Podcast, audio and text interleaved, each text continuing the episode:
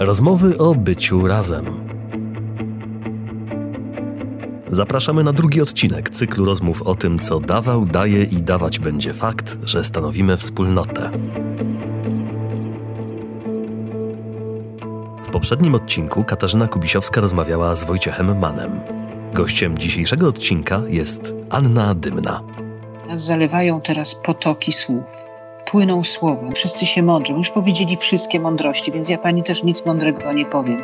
Ja tylko wiem, że czasem są ludzie, którzy potrzebują, żeby się przytulić i pomilczeć, a my teraz tego przytulenia nie mamy. I są ludzie, których nie ma kto przytulić. Trwa epidemia, więc rozmowa odbyła się przez Skype. Prosimy o wyrozumiałość dla technicznych niedoskonałości nagrania. Na cykl zaprasza Katarzyna Kubisiowska. Podcast powszechny. Weź, słuchaj. Dzień dobry, mówi Katarzyna Kubisiowska. A tu mówi Anna Dymna. Gdzie pani jest, pani Aniu? Bo ja jestem u siebie w mieszkaniu z moimi dwoma kotami. E, To ja mam lepiej, bo ja mam trzy koty. Ja jestem u siebie w Rząsce, w moim domu. No i na pewno szczęśliwe są trzy istoty, które wreszcie mają panią. One są takie szczęśliwe, patrzą na mnie takie szczęśliwe oczy. Jedne złote, jedne zielone.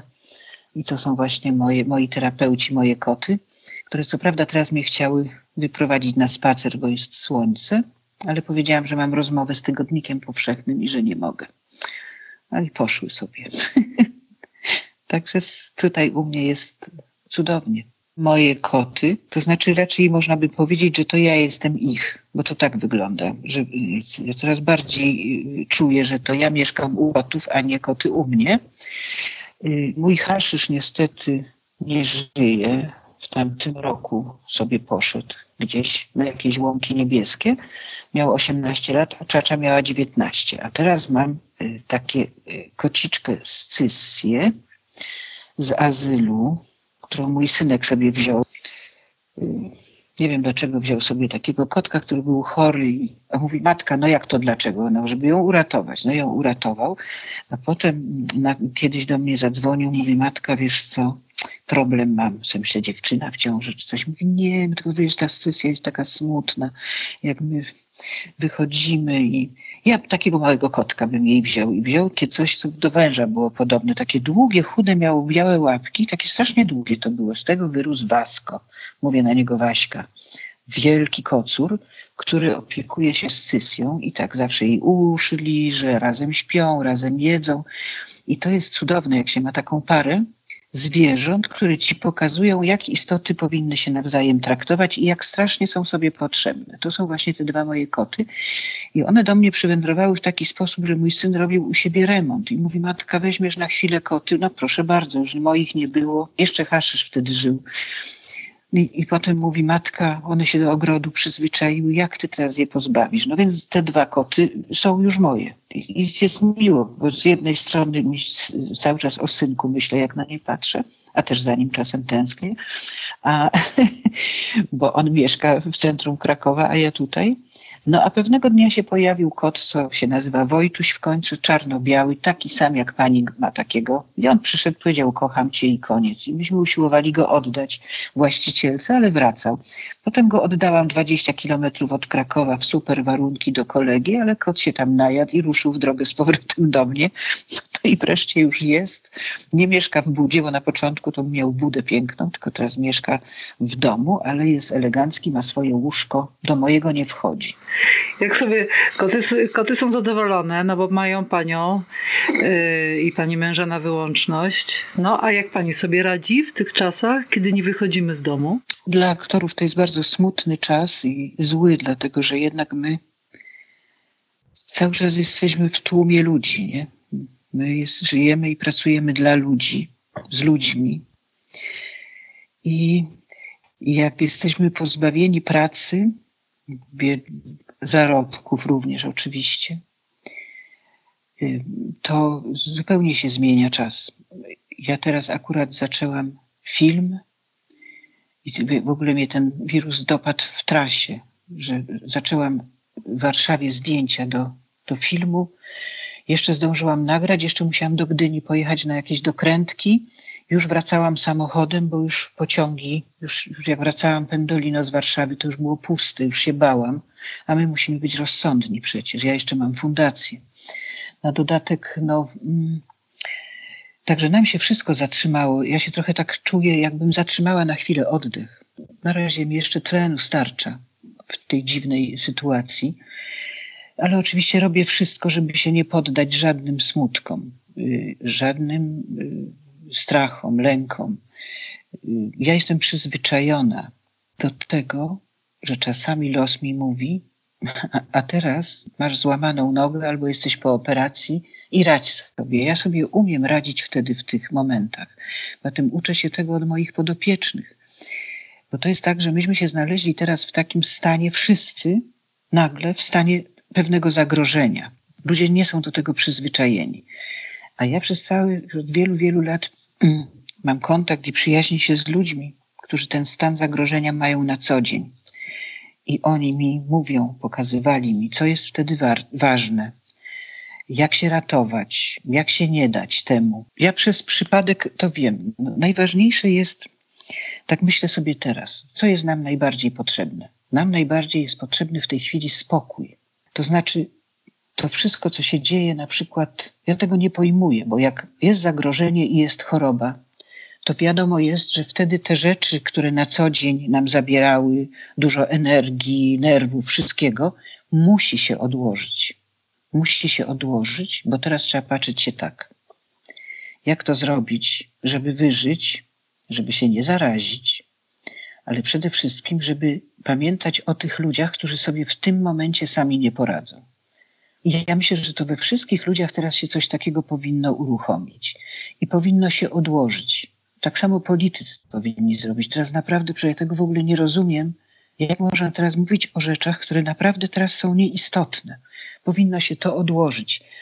Nie wiem, prawdopodobnie byłoby łatwiej, gdyby był stan wyjątkowy ogłoszony, bo wtedy według, wobec prawa wszyscy musieliby się zająć tym, co naprawdę jest ważne. Dlatego, bo jak się słucha, co się mówi w mediach, jakie są różne sprzeczki, kłótnie o te wybory, o coś, to mnie się chce płakać. Ja tak pamiętam, jak byłam dzieckiem, jak byłam chora, bardzo dużo chorowałam to moi rodzice wiedzieli o tym, że żebym ja wyzdrowiała i żebym ja się nie załamała jako dziecko, żebym nie była smutna, to w domu musi być spokój, muszą się wszyscy uśmiechać, mówią mi, muszą mi sprawiać przyjemności. I myśmy teraz niestety na ten czas powinni coś takiego robić, żeby, żeby ludzie, ci, którzy muszą pomagać zawodowo, lekarze, służba zdrowia, mieli od nas pomoc, życzliwość, wsparcie żebyśmy nie tracili nerwów y, na, na rzeczy, które są naprawdę w tej chwili nieistotne. Musimy być rozsądni i spokojni i musimy być razem, mimo że jesteśmy odosobnieni. I tego się można nauczyć. Oczywiście, że jest trudno, bo tak mamy też studentów, nie? Ja muszę się nauczyć prowadzić zajęcia przez właśnie tak, jak my teraz rozmawiamy. Nie założyłam sobie Skype'a, nie znoszę przez Skype'a rozmawiać, ale to się wszystko da zrobić. Trzeba tylko spokojnie. Poza tym to jest taki dziwny czas, mnie się wydaje, że co ja robię? Ten wirus i to, co się dzieje, daje nam taką szansę, żebyśmy się wszyscy zastanowili nad tym, jak żyjemy. Czyli? Pani na przykład ile my rzeczy zaprzepaszczamy często i nie myślimy o rzeczach ważnych, bo gonimy za czymś, co prawdę mówiąc nie jest specjalnie istotne. To, co się kłócimy, o to, kto ma więcej, o, o takie różne rzeczy się czasem denerwujemy, które są naprawdę głupie. Nie to każdy wie, o co się kłóci, co jest kompletnie bez sensu. Jakieś zazdrości, jakieś kompleksy, jakaś, jakieś ściganie się z kimś a naprawdę zapominamy o rzeczach najistotniejszych. I teraz na przykład jest na to czas, żeby sobie pomyśleć tak, do kogo, z kim się dawno nie rozmawiało i się okazuje, że się zapomina o starych kolegach, koleżankach, o rodzinie, że nie ma na to czasu. I teraz dopiero jak się tak człowiek zatrzyma, y, ja na przykład wiem, tu muszę jechać, tam muszę jechać, prawda, tu mam, tu mam studentów, tu, no, no tutaj mam festiwal, tu mam coś ja nie mam czasu na to, żeby sobie z moim bratem pogadać, żeby z moim synem sobie usiąść i ten. A teraz jest na to czas, żeby się zastanowić, czego mi naprawdę brakuje. Mnie tego na co dzień brakuje, tylko ja tego nie czuję, że mi tego brakuje, bo pędzę, nie? Zadzwoniła pani do tych e, starszych e, znajomych? Ja, ja codziennie ze wszystkimi rozmawiam. Ja tak mówię, bo, mm, mm, bo teraz na przykład nie wiem, jakbym była, ode mnie by coś zależało. Teraz aktorzy nie grają. Każdy by chciał czuć się w tej chwili potrzebny. Dlaczego my nie możemy dostać jakiegoś prawa odgórnego, że każdy z nas może nagrywać opowiadania, wiersze, nie wiem, coś takiego, przecież my byśmy się mogli przydać i tym dzieciom w szkołach, prawda? Że mogliby nas słuchać. Ja na przykład salon poezji, no chcę uruchomić, bo mam salony poezji online. No ale też sprawa praw autorskich. Jak to jest? No bo jak jest w małym pomieszczeniu jednorazowe wykonania, to my dostajemy takie prawa na jednorazowe wykonanie. Jeżeli to by było przez internet, to już jakieś inne prawa obowiązują. Ale nie ma nikogo, kto by, kto by to ułatwił, kto by powiedział, proszę pani, może to pani robić. Na jednorazowy taką emisję, proszę bardzo nie, nie wiem, to po prostu to jest wszystko jakoś niezorganizowane, a ludzie widzę bardzo chcą być teraz y, razem, chcą być potrzebni. Bo to jest tak, że jak się siedzi w domu, ja mam taki charakter, to ja sobie zawsze znajdę roboty. Po pierwsze, ja mam fundację. Jak ma się fundację, to ma się tysiące problemów związanych z ludźmi, którzy teraz najbardziej potrzebują pomocy. Y, my wymyślamy różne takie rzeczy, które mogłyby razem ludziom, y, nie wiem, pomóc jakoś przetrwać. Y, kłopot mam z tym, bo na przykład festiwal Albertiana, 20 edycja, musieliśmy to jak wszystko odwołać. Ale drżymy o festiwal zaczarowanej piosenki, który prawdopodobnie nie wiadomo, jakie będą losy, bo nikt nie wie, prawda, co z tym wirusem będzie.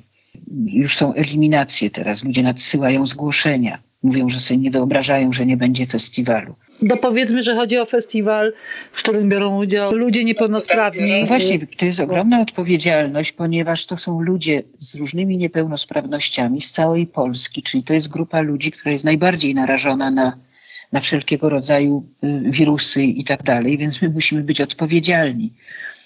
Y, także są bardzo bolesne w tej chwili różne nasze decyzje, ale na przykład co na przykład jest super, jak jest taki czas?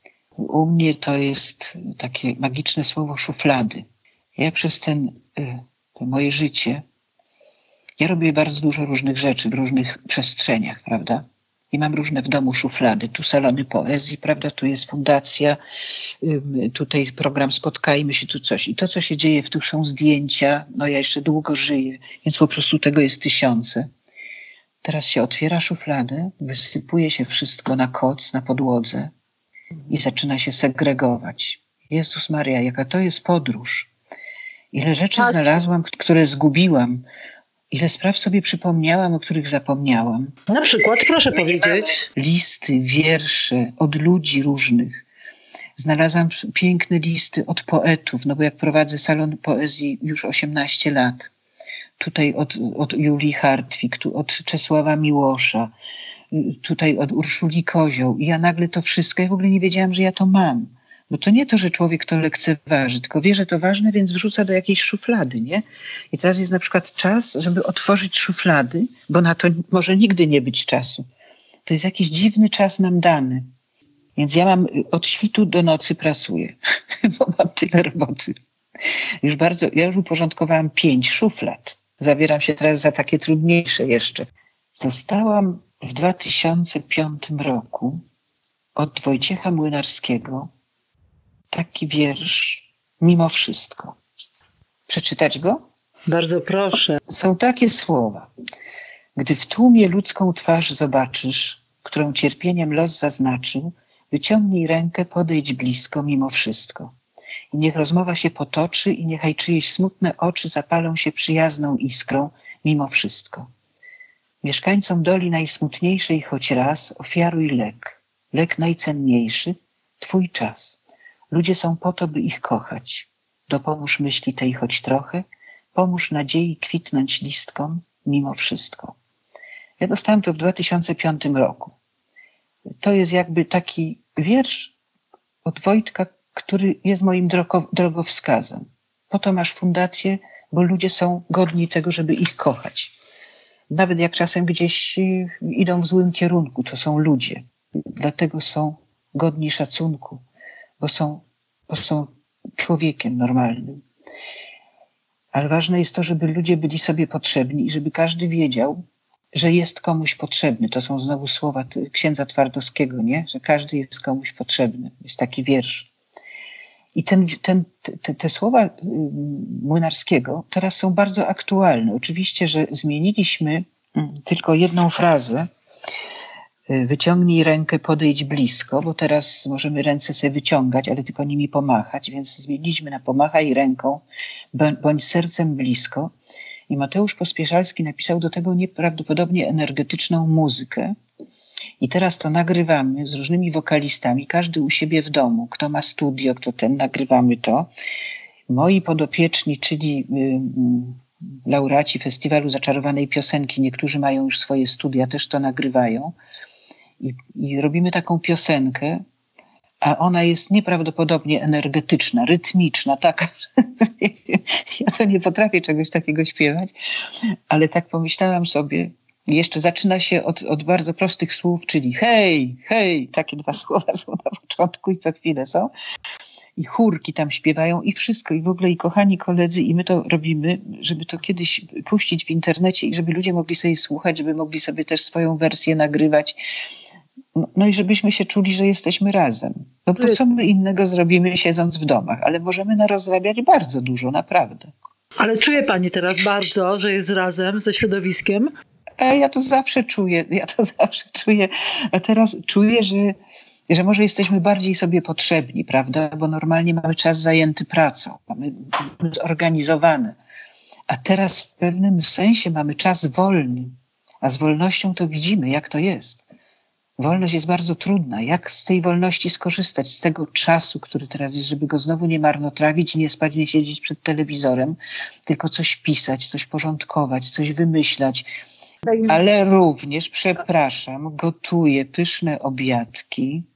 Co wczoraj pani ugotowała? Żurek dymny jest zrobiony i wczoraj był kurczak zagrodowy z, z pysznymi takimi warzywami, które robię, cukinię, bakłażan. Także raz na, no takie robię pyszne warzywka, nie będę mówić teraz przepisów, ale raz na tydzień jadę na plac w rękawiczkach, w maseczce, we wszystkim. Mam wszystko wymyślone, jak to robić, żeby się, brońcie Panie Boże, nie zarazić. Zresztą ludzie się fantastycznie zachowują, są od siebie oddaleni półtora metra, metr i kupuję różne rzeczy, dlatego, bo trzeba sobie sprawiać, przyjemności, takie przyziemne też. Wszyscy o siebie dbamy nawzajem. Codziennie ktoś do mnie dzwoni, pyta się, czy coś mi nie kupić, czy coś nie pomóc. Ja do różnych ludzi dzwonię.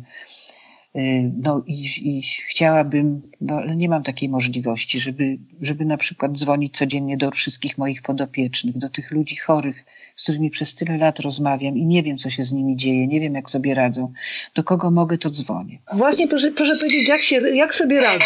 No właśnie różnie sobie radzą. Są, są ludzie, którzy są smutni. To są przede wszystkim ludzie starsi, którzy nie, nie, nie mają czegoś takiego, ja to rozumiem, bo ja też mam już 69 lat prawie. Nie ma się takiej głupkowatej energii. Nie czasem człowiek ma taką, nie jak był młody, to takie miał, że tak by podskoczył, coś by zrobił, wszystko jedno potańczył, coś. Jak się ma tak po 60, y, to już tej takiej energii biologicznej nie ma takiej, jest inna energia jest taka dojrzalsza, y, może mądrzejsza, że może się tej energii tak nie, y, bo już jej nie ma tyle, to się jej nie traci na podskakiwanie tylko się ją inaczej. Y, no ja na przykład wymyślam cały czas, do kogo zadzwonię dzisiaj na przykład. I tak dzwonię z głupia frant. I, I to strasznie ludzi cieszy. A mnie najbardziej cieszy, bo mnie to też daje siły. Jak czuję, że ktoś się ucieszył, że ja zadzwoniłam, toż przecież ja to dla siebie robię przede wszystkim. Jak już ktoś, ktoś będzie mówić o dymna, udaje, że jest dobra. Nie jestem dobra, tylko ja dla siebie chcę być dobra i tak jakoś się trzymać, nie? E, także na razie mnie jeszcze taki smutek nie dołapał. Jedyne, co martwi mnie, to festiwal zaczarowanej piosenki.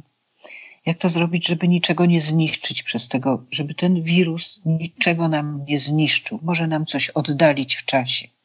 Na przykład mieliśmy teraz zrobić koncert charytatywny 5 kwietnia dla Wiesia Wójcika, mojego kolegi. który walczy z rakiem i potrzebuje pomocy.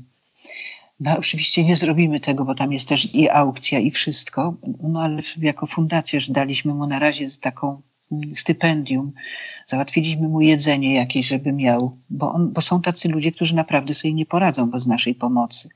Także jest takich dużo rzeczy, ja się sobą nie muszę w ogóle przejmować do tego, bo nie muszę przejmować innymi ale jest bardzo dużo do roboty. No teraz właśnie kombinujemy ten salon poezji, żeby nagrywać y, przez internet i żeby jednak emitować ludziom, żeby tak, no żebyśmy się czuli, że komuś jesteśmy jednak potrzebni, bo, bo nasza sytuacja jest straszna. A jaka jest sytuacja muzyków? Jak ja rozmawiałam z zespołem Karentu Hill, którym mieliśmy robić właśnie teraz muzykę staroceltycką. A oni mówią, Aniu, my mamy odwołane wszystkie koncerty, a ja nigdzie nie zarabiam, ja tylko na koncertach. Także są ludzie, którym na razie jeszcze sobie radzimy, prawda? Proszę zobaczyć, jak ta sytuacja pokazała nam wszystkim, że wcale nie jesteśmy takimi autonomicznymi istotami, wolnymi całkowicie, jak bardzo potrzebujemy nie, nie. drugiej osoby. I myślę sobie jeszcze o takiej rzeczy, że trudniejsze jeszcze jest to, że my tak naprawdę nie możemy się kontaktować, nie możemy się dotykać. E, mam, e, opowiem Pani teraz taką króciutką historyjkę. Mam kuzyna, najbliższego mojego kuzyna, Marcina. On jest ode mnie dwa lata młodszy, czyli ma 40 mm, parę lat. E, jest e, po porażeniu mózgowym. Urodził się z porażeniem mózgowym. Jest, e, nie chodzi od, znaczy chodzi, ale tylko przy pomocy innej osoby i nie mówi. Jest piękny, wysoki, ma czarne, krucze włosy, cały czas się uśmiecha i jak przyjeżdżam do niego, w Bieszczadach mieszka, jest szczęściarzem, bo ma cudowną mamę, ma cudowne cudownego, zdrowego brata, ma y, y, wspaniałego ojca, y, jest dokochany i, i dopieszczony, ale y, jak do niego przyjeżdżam, to nasz kontakt polega na tym, że my po prostu Marcin, ja do niego mówię, a on do mnie tam coś, coś tam burczy, muczy, nie używa słów i dotyka mnie, prawda? Ściska za rękę, a ja za jego. To rozumie pani moją sytuację. Jeżeli ja mam podopiecznych, z którym się pozawerbalnie z niektórymi tylko kontaktuję. Jak ja przyjeżdżam do Doliny Słońca, do Radwanowic, to oni przede wszystkim się do mnie przytulają. Oni chcą czuć ciepło, oni chcą sobie popłakać przy mnie, oni chcą mi powiedzieć, coś pogłaskać. Ja zawsze jestem tak poprzytulana, posiniaczona przez nich, jak tam jestem u nich. I im, bo ja teraz zauważyłam, co się dzieje. Nas zalewają teraz potoki słów płyną słowa. No bo co ludzie mogą robić? Mogą siedzieć tak jak my teraz i gadać. Wszyscy się mądrzą. Już powiedzieli wszystkie mądrości, więc ja pani też nic mądrego nie powiem. Ja tylko wiem, że czasem są ludzie, którzy potrzebują, żeby się przytulić i pomilczeć, a my teraz tego przytulenia nie mamy. I są ludzie, których nie ma kto przytulić. Bo ja to się mogę przytulić do męża, ale mogę sobie przytulić kota. A są ludzie, mam takich starszych ludzi, co mieszkają sami, co nikt do nich nie przyjdzie, nikt ich nie przytuli i o nich myślę. Myślę o podopiecznych. My musieliśmy zamknąć w tej chwili warsztaty na przykład tam nad morzem, dlatego bo jest całkowity zakaz. Jest kłopot na przykład tu w Dolinie Słońca z jedzeniem, bo tam kucharki są. Niektóre wzięły wolne, nie ma kto im gotować, trzeba załatwiać jedzenie. Także my cały czas mamy, no tymi ludźmi się specjalnie nikt nie zajmuje. Rozmawiam z Janeczką Ochojską, więc ona też mi opowiada o różnych sytuacjach bo też jest w szpitalu i też tam jest koronawirus, mimo że ona tam była na chemii.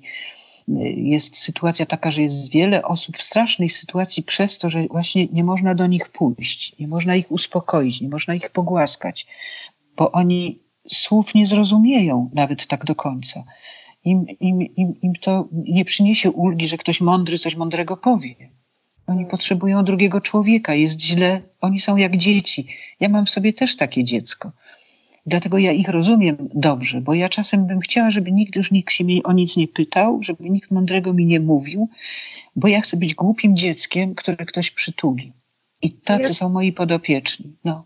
Ale też y, ja się chciałam zapytać o, o taką sytuację w Pani życiu, kiedy Pani szczególnie potrzebowała człowieka. Przecież pani tyle przeszła. Przeszła pani pożar, śmierć męża, y, wypadki, y, śmierć mamy. No, ale wie pani, no ja sobie myślę tak, że być może, że ja dlatego mam fundację, tylko ja tego nie robiłam przez rozum. Bo gdybym uruchamiała tylko rozum, to prawdopodobnie bym się nie odważyła. Ja to gdzieś zawsze, ja tak mówię, że jestem trochę jak moi podopieczni, że ja zanim uruchamiam mózg, to najpierw sercem czuję świat, no, z czymś takim, no nie wiem jak się to nazywa, żeby to źle nie zabrzmiało. Uczuciem, o. Potem teraz już umiem, uruchamiam mózg i sobie myślę, co mi to uczucie podpowiada, że to tak i tak, że to i to jest mi potrzebne. Mózg mi potem mówi, zweryfikuj to, bo to, co dla ciebie, może dla kogoś, może kogoś to boleć na przykład. Umiem to weryfikować. I ja być może, że fundację założyłam właśnie dlatego, że jak miałam taki moment w życiu, że miałam umarł dymny, potem za trzy miesiące był wypadek potworny, czy spaliło się najpierw mieszkanie. Ja straciłam wszystko w ciągu dziewięciu miesięcy.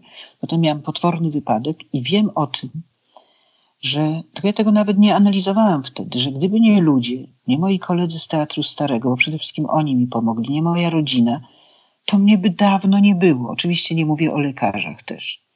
Ja miałam taki ciąg i gdyby nie ludzie, gdyby nie drugi człowiek, dawno by mnie nie było. Ja gdzieś tę świadomość cały czas miałam. I jakby ja wiem, co to znaczy samotność. Ja wiem, co to znaczy cierpienie. Ja wiem, co to znaczy nagle zwali ci się świat Dlatego rozumiem teraz też tę sytuację i wiem, co jest potrzebne. Potrzebna jest życzliwość. Potrzebna jest świadomość, że ktoś o tobie myśli. Potrzebne jest słowo przez telefon. Potrzebny jest, słuchaj, jakby ci coś było potrzeba, to ty pisz, dzwoń, coś się uruchomi, jakąś pomoc.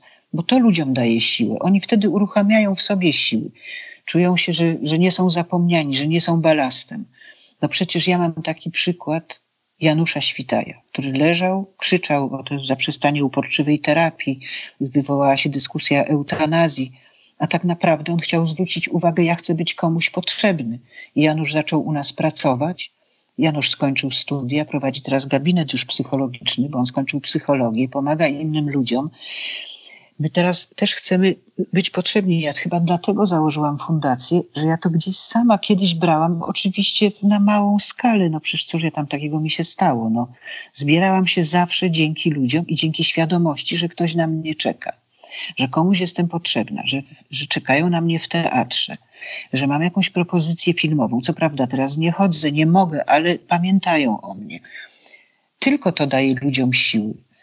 Ja rozumiem teraz na przykład stare, y, samotne kobiety, które, które, za którymi chodzą koty czy tam pieski. Dlatego, bo one tam znajdują miłość, taką miłość bezwarunkową, taką, że się nie patrzy ktoś, o już jest stara, pomarszczona, ledwo łazi, bo taki piesek właśnie taką panią liże po rękach.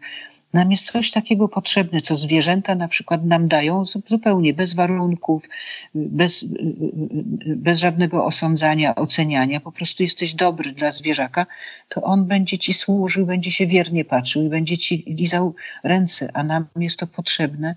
I my dla siebie powinniśmy być tacy w tej chwili. No, najbardziej jest to. to. Ja, to ja to rozumiem, bo mam fundację. I my to bierzemy takie stany wyjątkowe, które dotykają ludzi, szczególne i choroby, i choroby nieuleczalne na co dzień, więc dla mnie to nie jest taka nowość, tylko że ja teraz też jestem, że tak powiem, zamknięta. I to nasze działanie musi się trochę zmienić, musimy się go nauczyć, a nie jesteśmy nauczeni tego. Aktorom jest szczególnie trudno, nie tylko jest im trudno, no bo y, mniej jak każdy z nas y, zarobi pieniędzy, nie pójdzie do pracy i boi się o swoją przyszłość, że rozmaite prace są wstrzymane, jak pani film na przykład, w którym pani grała. Natomiast y, też myślałam o tym, że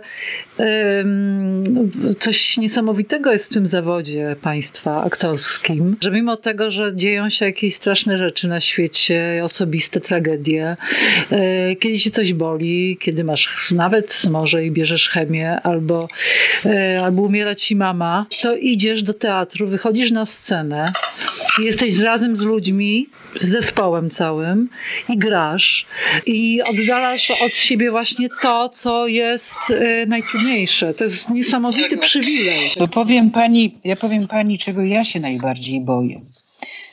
Dlatego, że my, jak niektórzy mówią, mamy okrutny zawód, bo czy cię boli coś, czy cię nie boli, czy, czy masz zapalenie okostne, czy ktoś umarł, ty idziesz wieczorem i grasz, bo czujesz taki obowiązek wobec ludzi.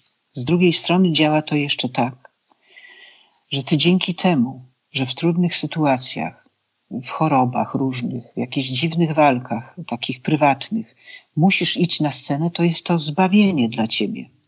Ja na przykład cały czas tak śmiejąc się mówię, że nie idę na emeryturę, bo powinnam być już 8 lat na emeryturze, bo jak pójdę, to umrę. Dlatego, bo sam fakt, że ja wchodzę na scenę, że wydziela się ta adrenalina, że czasami ogromnym wysiłkiem tam podskakuję na tej scenie i gram i daję rady, to to daje mi napęd do życia. To jest tak, jakbym ładowała swoją prądnicę dymną tam na tej scenie wtedy i potem mam siły, żeby, żeby podskakiwać dalej w życiu. Ja strasznie się boję, że jak zabraknie te, tej, tego ładowania, że jak nie będziemy w ogóle już nic grali i nic robili, to można się, ja wiem, co zrobić. No można tak zgasnąć. Tak, może ci ta energia zgasnąć. Ja muszę gdzieś ładować te akumulatory. No na szczęście na razie siedzę przy komputerze i coś piszę, do kogoś dzwonię, coś robię, natomiast ja bym już zagrała trylogię, ja bym już tego, no tylko fakt jest, że na szczęście ja jestem coraz starsza i być może, że mój organizm wreszcie mnie uspokoi i powie spokojniej, spokojniej, spokojniej sieć. No może mi się to uruchomi. Na razie mi się nie uruchamia. Więc dla, jest, dla nas to jest najgorsze czym zastąpić ten niezwykły wysiłek, tę koncentrację, do której jesteśmy zmuszani codziennie, to przecież nasze organizmy zaczną zupełnie inaczej działać. Ja nie wiem, co z nami będzie. Ja się o to najbardziej boję, bo jednak to, że my się spotykamy, że sobie opowiadamy coś, że mamy kłopoty, że się pomylimy, że ktoś, kogoś coś boli, że musimy sobie pomagać na tej scenie, to jest dla nas całe nasze życie i naprawdę taka fabryka energii i takich sił tego się trochę boję, żeby nie było coś takiego, a odwołam to, odwołam tamto, a to właściwie już wszystko jest nieważne. Właśnie musimy sobie mówić, że jesteśmy ważni i tak. wszystko, co robimy, jest ważne. Bo jak tak zaczniemy odpuszczać, bo ja już widzę, że w niektórych ludziach, a wiesz, jest to odwołane, już nie chodzę do pre, już nie mam spektakli, nie wiem, co będzie. Ci, którzy mają dzieci, mają lepiej, bo dzieci są źródłem energii niewyczerpanej. No, a są tacy ludzie, jak sobie że nawet nie ma ludzi, którzy, są ludzie, którzy nie mają się z kim kłócić nawet. Ale też jest ważne, żebyśmy się w domach nie pozabijali, bo nagle ludzie, którzy tak tyle pracowali i byli na siebie, nie byli na siebie skazani, a teraz my jesteśmy na siebie skazani, więc trzeba że trzeba, trzeba jakoś się wytrzymać, teraz patrzeć się w oczy sobie i ja sobie radzę jakoś i będę pisać wierszyki dla dzieci. Chyba nikomu nie pokażę, bo zaczęłam pisać ten wiersz i ten poemat, jak moje dziecko było małe i miało zapalenie ucha. Niestety zgubiłam wiele, bo to, bo to wielki poemat piszę. No, ale teraz znalazłam w, w szufladzie jednej jeden taki zeszyt z kawałkiem tego poematu, no i mi się rodzą następne frazy w głowie, także że będę, będę pisać. Nie wiem na co komu, ale może komuś będę wysyłać. Proszę mnie przysłać, jak pani już to napisze. Natomiast mi to teraz zaczęłam się zastanawiać, kiedy zaniechała pani pisanie tego poematu, bo to chyba musiało być jakieś co najmniej dwie dekady temu. Ja pisałam go zawsze tak. Najpierw jak dziecko było małe i chore, potem jak wyjeżdżałam, to mu wysyłałam w listach i to niestety zginęło, bo ja to wiele lat już piszę. I to jest taka para zwierząt, które pomogło mi dziecko wychowywać. A potem wypisałam to, jak się rehabilitowałam po jakichś wypadkach, jak leżałam pod tymi prądami, czy w tych no, no, nogi gdzieś tam miałam, czy coś nudne jak pieron, to wszyscy się nudzili, a ja w zeszyt, taki zeszyt właśnie znalazłam z jednego szpitala rehabilitacyjnego. I to bardzo ciekawy, ciekawa praca, męka twórcza zanim jedna fraza się zrymowała, to dwie kartki były zapisane. Także, że jestem bardzo takim y, drobiazgowym poetą, trzynastozgłoskowcem, jedenastozgłoskowcem. Różne formy poetyckie uprawiam. I także na przykład, przepraszam, że to mówię, ale mówię, że zawsze jest coś do roboty. Poza tym mm, będę haftować, bo rozdarłam sobie na dupci sukienkę, bo mi w rower weszła w, i muszę ją uratować no zeszyłam ją z tyłu, ale teraz robię tam hafty takie piękne, nie umiem haftować i mi wychodzą. Ja mam tyle do roboty, że Jezus Maria, no. Tylko żeby się jeszcze to komuś przydało.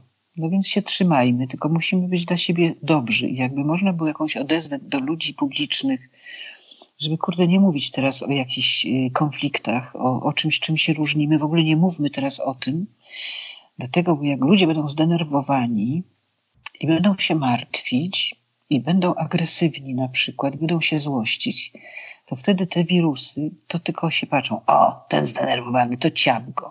Te wszystkie zarazy, to one uwielbiają, jak człowiek jest zdenerwowany. Jak ma depresję, to najbardziej lubią i, i takich, jak tak osłabiony jest, sam się osłabia, to go ciap. No, nie, mówię trochę pół żartem, pół serio, ale myślę sobie, że teraz powinniśmy na, na razie zapomnieć o wszystkim, co między nami jest y, złe, niedogadane czy coś. I powinniśmy jednym frontem y, budować rzeczywistość, która nam pomoże to przeżyć wszystko i ułatwi nam życie, żeby sobie pomagać, dogadywać się. My, aktorzy, jesteśmy otwarci na wszystkie propozycje. Wszystko, co możemy robić przy kamerach, y, przy komputerach, nagrywać, ja do Wawelu teraz nagrałam jakiś tekst i mówię tej pani, no bo tam przewodników teraz nie będzie, to będą głosy ludzi. Ja bardzo chętnie mogę codziennie nagrywać komuś, jakiemuś muzeum coś. Albo coś. Jak komuś coś potrzebne, to proszę was, zwracajcie się do nas, do aktorów. Myślę, że mówię w imieniu wielu aktorów, bo wtedy jakoś wytrzymamy, nie? Bo wiadomo, kiedy my wejdziemy na scenę i zagramy ludziom, to nie wiem tego. Na koniec proszę nam powiedzieć, którą mnie powiedzieć, nam wszystkim powiedzieć, którą dzisiaj pani szufladę będzie porządkować swoją. Teraz porządkuję szufladę y, słowa dobrze, że jesteście, y, czyli konkurs y, poetycko poetycki dla osób niepełnosprawnych z całej Polski, różnymi niepełnosprawnościami.